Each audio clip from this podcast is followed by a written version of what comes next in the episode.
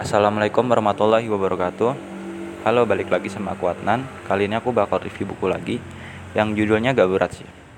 Judulnya Gaya Filsafat Nietzsche. Nietzsche Karya Setio Wibowo. Ini baru aku baca selesai banget Kemarin malam Jam 10 malam. Ini wah tebel banget ini. 441 halaman Tapi akhirnya selesai. Jadi aku kasih tahu sedikit ya Nietzsche itu adalah seorang filsuf abad 19 yang individualis di mana bapaknya meninggal ketika dia umur 6 tahun. Jadi keluarganya itu pendeta.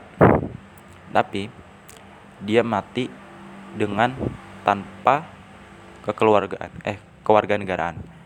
Jadi dia melepas kewarganegaraan Prusianya dan memutuskan menjadi filsuf yang individualis bisa dibilang eksistensialisme uh, kutipan yang terkenal adalah Tuhan itu telah mati.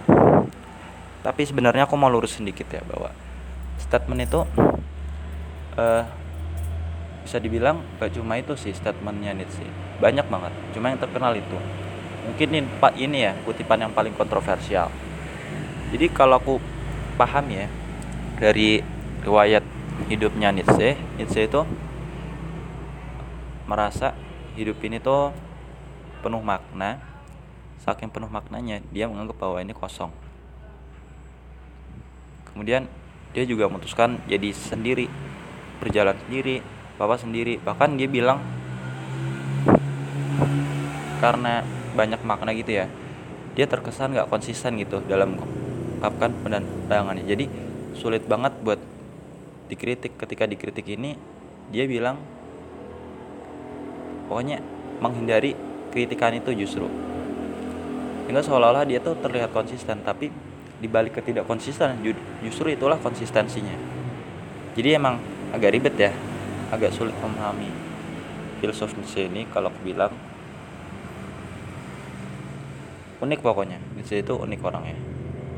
Nah dalam buku ini hmm, si Setio Wibowo jelasin panjang lebar uh, sama membenarkan menjelaskan apa sih sebenarnya yang ada di pikiran Nietzsche.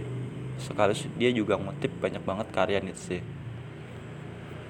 Ya itu tebal banget bukunya. Nah penasaran isinya kayak apa. Makanya baca di Pusnas ada kok. Aku mau review kelemahan kelebihannya. Kelemahannya mungkin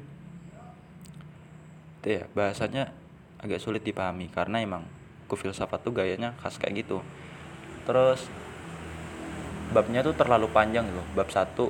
Jadi ini ada lima bab tapi ya panjang-panjang jadi bisa buat bosan orang. Nah di samping kelemahan ada kelebihannya. Kelebihannya itu kita jadi lebih paham dan nggak gampang menjudge oh Nietzsche kayak gini kayak gini.